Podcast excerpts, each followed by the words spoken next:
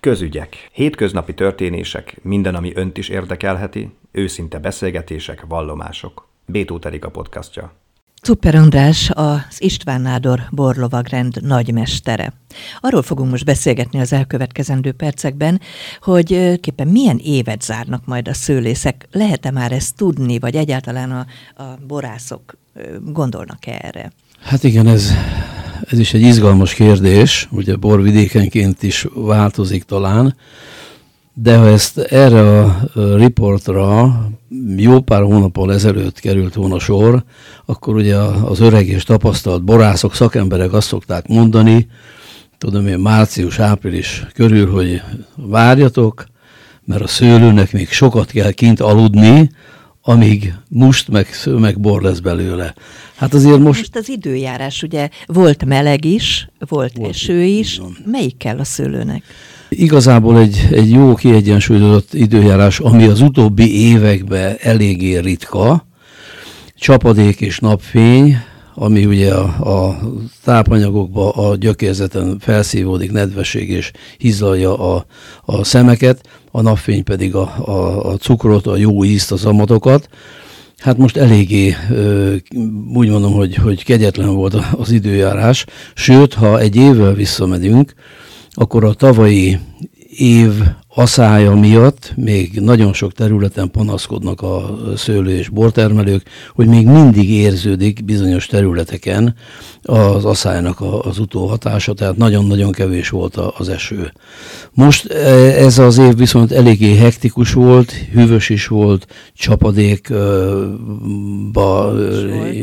sok, sok területen sok volt, volt, ahol egyáltalán nem.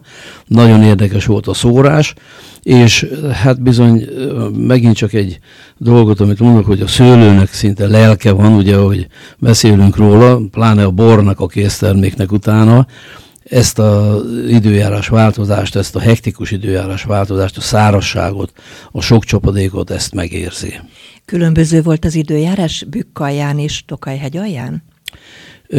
Bükkalján és Tokajhegy alján hasonló, bár itt is voltak olyan különbségek, hogy a bükkaljai borvidék Bogácstól a Császtáig terjedőleg. Volt, amikor az egyik végén, mondjuk a, a császtai részen zuhogott az eső, több napig esős idő volt, a bogácsi területeken, ezeken a részeken pedig szárazság volt tapasztalható. Az időjárásban nem tudunk beleszólni, ezt, ezt valamilyen szinten kezelni kell, so, több volt a növényvédelem, sokkal többet kellett fordítani a növényvédelemre, és igazából, ahol mondjuk bioborászat vagy organikus ültetvények, borászatok vannak, ott még nagyobb gondba voltak, mert ők ugye nem használnak vegyszereket.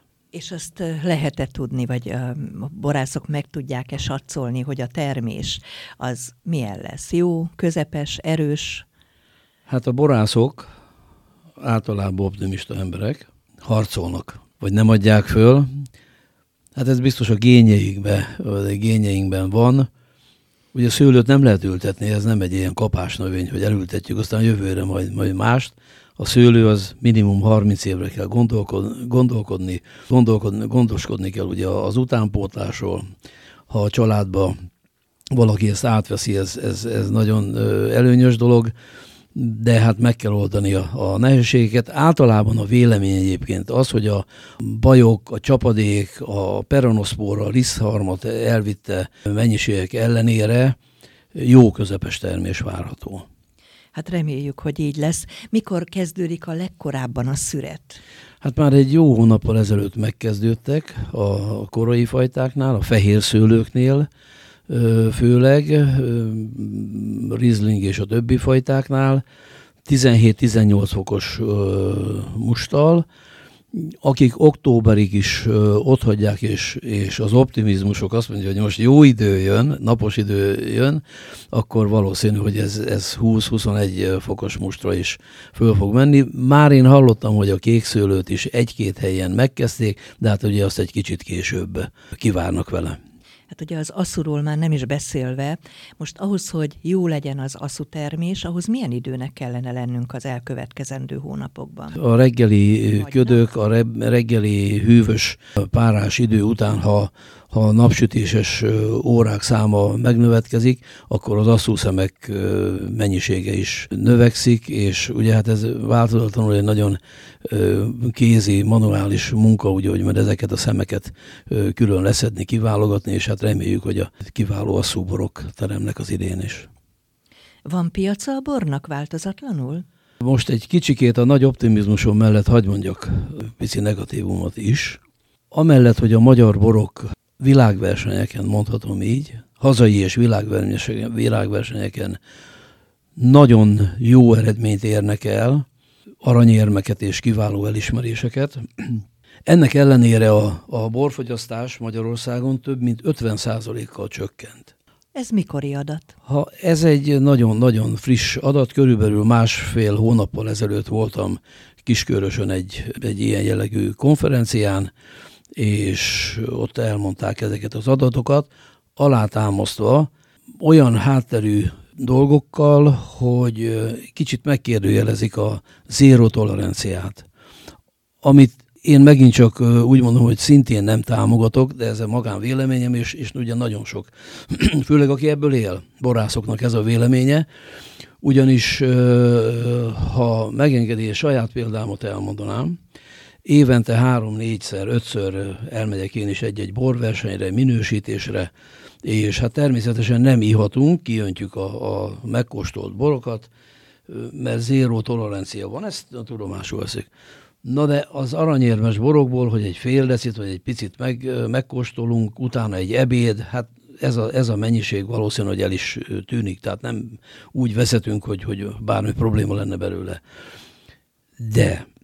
Törvény nem teszi lehetővé. Nem teszi lehetővé, de kimutatható az is, hogy Magyarországon milyen mértékben nőtt a gyógyszerfogyasztás.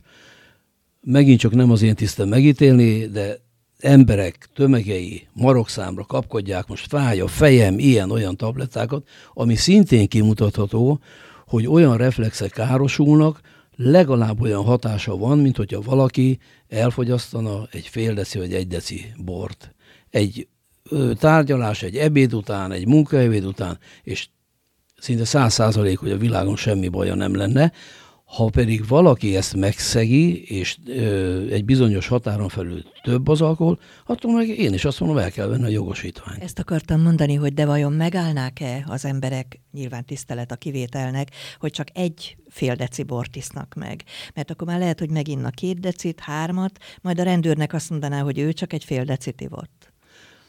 Hát mondásra ugye nem igazán lehet szabadkozni, de aki ezt nem tartja be, vagy nem tartaná be, annak a törvény szigora, így van, akkor tessék kérem, ugrik a jogosítvány egy évre vagy két évre, biztos, hogy meggondolja utána. Valószínű, hogy több mélyreható oka van ennek, hogy a borfogyasztás csökken. Ezt akartam mondani, hogy azért nem csak ez a ö, tolerancia az oka. Mi lehet még az oka? Így a gazdasági van. helyzet? A másik ok, hogy, hogy ö, ugye megint csak főleg azt mondom, hogy a fiatalok, bár akit mi nagyon szeretnénk bevonni a borlovag rend életében is, mert ők a jövők ugye minden téren, a fiatalok rászoktak, vagy rászoktatták tessék kérem, reggel jövünk dolgozni, buszmegálló, villamos megálló, márkát és nevet nem fogok megnevezni, de, de nagyon sok fiatalnak a kezében a kis energiaital, egy vagy kettő tolják le, és azzal kezdik a napot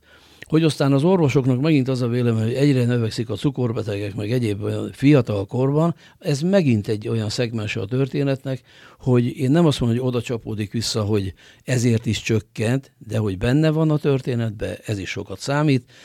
Több helyen jártunk Európában, vagy Európán kívül, ahol 18 éves vagy előtte egy-két évvel lévő fiatal fiúk, lányok a családi asztalnál egy könnyű, kis alkoholtartalmú borral kocintanak. Megtanulják a, a bornak a, a, a, fogyasztását, hogy illik, mi illik, megtanulják azt, hogy mennyit lehet inni, és ha felnő, ő valószínűleg nem energiaitalt fog fogyasztani, hanem egy jó minőségű helyi bort. És itt megint csak aláhúznám a lényeget, hogy helyi bort fogyasztani, mert ugye Ausztriától Németországig, Olaszországig sorolhatnám, főleg azt tartja el a borászokat, hogy a helyi termelőktől, a helyi péktől veszi a kenyeret, a helyi borásztól issza a bort. És egyébként visszatérve, hogy csökkent a fogyasztás, nem lehet, hogy azért a borok ára is fölment? Nem akarok visszakérdezni, minek nem?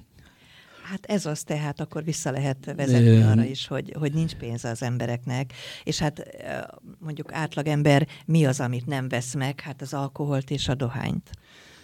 Ö, igen, valamikor én is nagy dohányos voltam, és ugye itt a másik dolog, hogy mondják, hogy így a cigaretta meg a dohány, az is egy szenvedély valamilyen szinten, persze akkor nem került még ennyibe, amikor én dohányoztam, de a borra visszakanyarodva, nem muszáj, és nem is kell, megmondom azt, hogy nem is tellik biztos minden este, vagy minden nap 3000 forintos borokat inni. Nagyon-nagyon jó minőségű borok kaphatók, szupermarketekben, piacokon most már ugye nagyon sok borászattal foglalkozó cég van, akik esetleg egyszerűbb csomagolásba, de jó minőségű bort adnak, és ez, ez iható gyakorlatilag ha megengedi, elmondok egy, egy másik példát. Isten nyugtassa, volt egy emeritus professzor, lovagunk, Fehér úr, doktor úr, sok emberült ismerős a francia paradoxon, ami azt jelenti, mi is megtapasztaltuk, amikor voltunk Burgundiába egy nagy borászati látogatáson, szőlőterületeket jártunk be, hogy bizony a franciák jó sonkával kezdik, vagy gyakorta esznek zsíros, disznó, sertéshúsból levő falatokat. Az ebéd az nagyon laza, a vacsora az megint csak nagyon bőséges, nem kalória ö, szegény, hogy így mondjam, viszont minden áldott nap isznak bort. És ennek ellenére, hogy a, a, a sonka és a zsíros falatok is lemennek, borral, vörös borral, a szív- és érrendszeri betegségek aránya lényegesen kisebb, mint a magyaroké.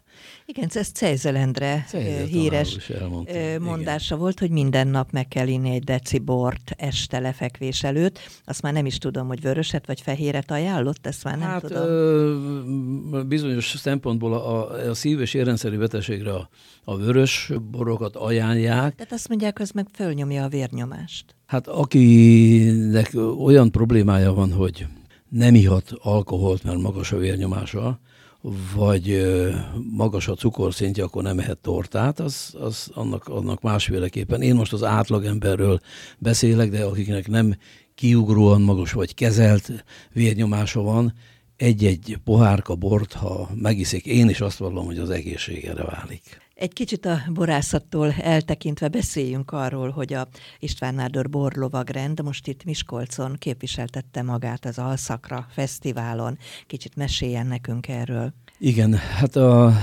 István Nádor borlovagrend számára, számunkra megtisztelő felkérés volt, hogy még akkor nem is tudtuk, hogy mi beugrottunk bele, idézőjelben mi beugrottunk bele, hogy egy milyen giga fesztivál készülődik Miskolcon, a mi borlovagrendünk általában évente egy-két, főleg jótékonysági vacsorát vagy gála vacsorát szervezünk, és amikor felkértek minket, hogy ebbe a munkába vegyünk részt, akkor kiderült, hogy ez egy kilenc napos rendezvény, és ennek fő, nagyon színes rendezvény, gyakorlatilag a lakosság és az érdeklődők minden körét megérintette. Igen, Miskolc méltán lehet büszke erre a rendezvényére. Igen, méltán lehet nagyon büszke, és most már ugye azt is elmondhatom, tegnap volt a színházba a gála, a záró gála, ünnepség, hogy mindenütt házas rendezvények voltak, csodálkoztunk, hogy, hogy, hogy tényleg az embereket ennyire, és több, több fesztivál és több esemény is volt most Miskolcon. Az összes rendezvényt ugye nem is álmódomban elmondani, de ami számunkra nagyon szívünkbe volt, az a második János Pál pápa ö, téren volt egy ökumenikus boráldás. Erre azért voltunk és vagyunk nagyon büszkék, mert az István Nádor borlovagrend legendájába szerepel a Miskolci bor a békebora. És most a... És a fesztivál is a békét hirdette. És a fesztivál is keresd a békét, Álszakra. Legnagyobb megelégedésünkre a miskolci, avasi, császtai borászok elhozták a borukat, nagyon szépen feldíszítve, és a második János pápa téren Diósgyőrben ezt ökonomikus keretek között megszentelték, megáldották. A másik kedves eseményünk volt a Lilafüredi Palotoszállóban Misának a Gitár Sólyom című CD bemutatója, ami megint csak olyan teltházzal ö, működött, hogy pócékeket kellett ö, ö, berakni, és hát nagyon örültünk, hogy a Kolozsi Balással, Balázsral karöltve egy nagyon-nagyon remek délutánt kaptunk, és nagy megelégedéssel távoztak a, a hallgatók, résztvevők tehát jól zárt az Alszakra Fesztivál az önök részvételével is. Én nagyon szépen köszönöm Cúper Andrásnak, az István Nádor Borlovagrend nagymesterének, hogy itt volt, és beszélhettünk ezekről a témákról. Köszönöm szépen. Én is köszönöm, üdvözlöm a hallgatókat, és kérem, hogy magyar bort és helyi bort igyanak.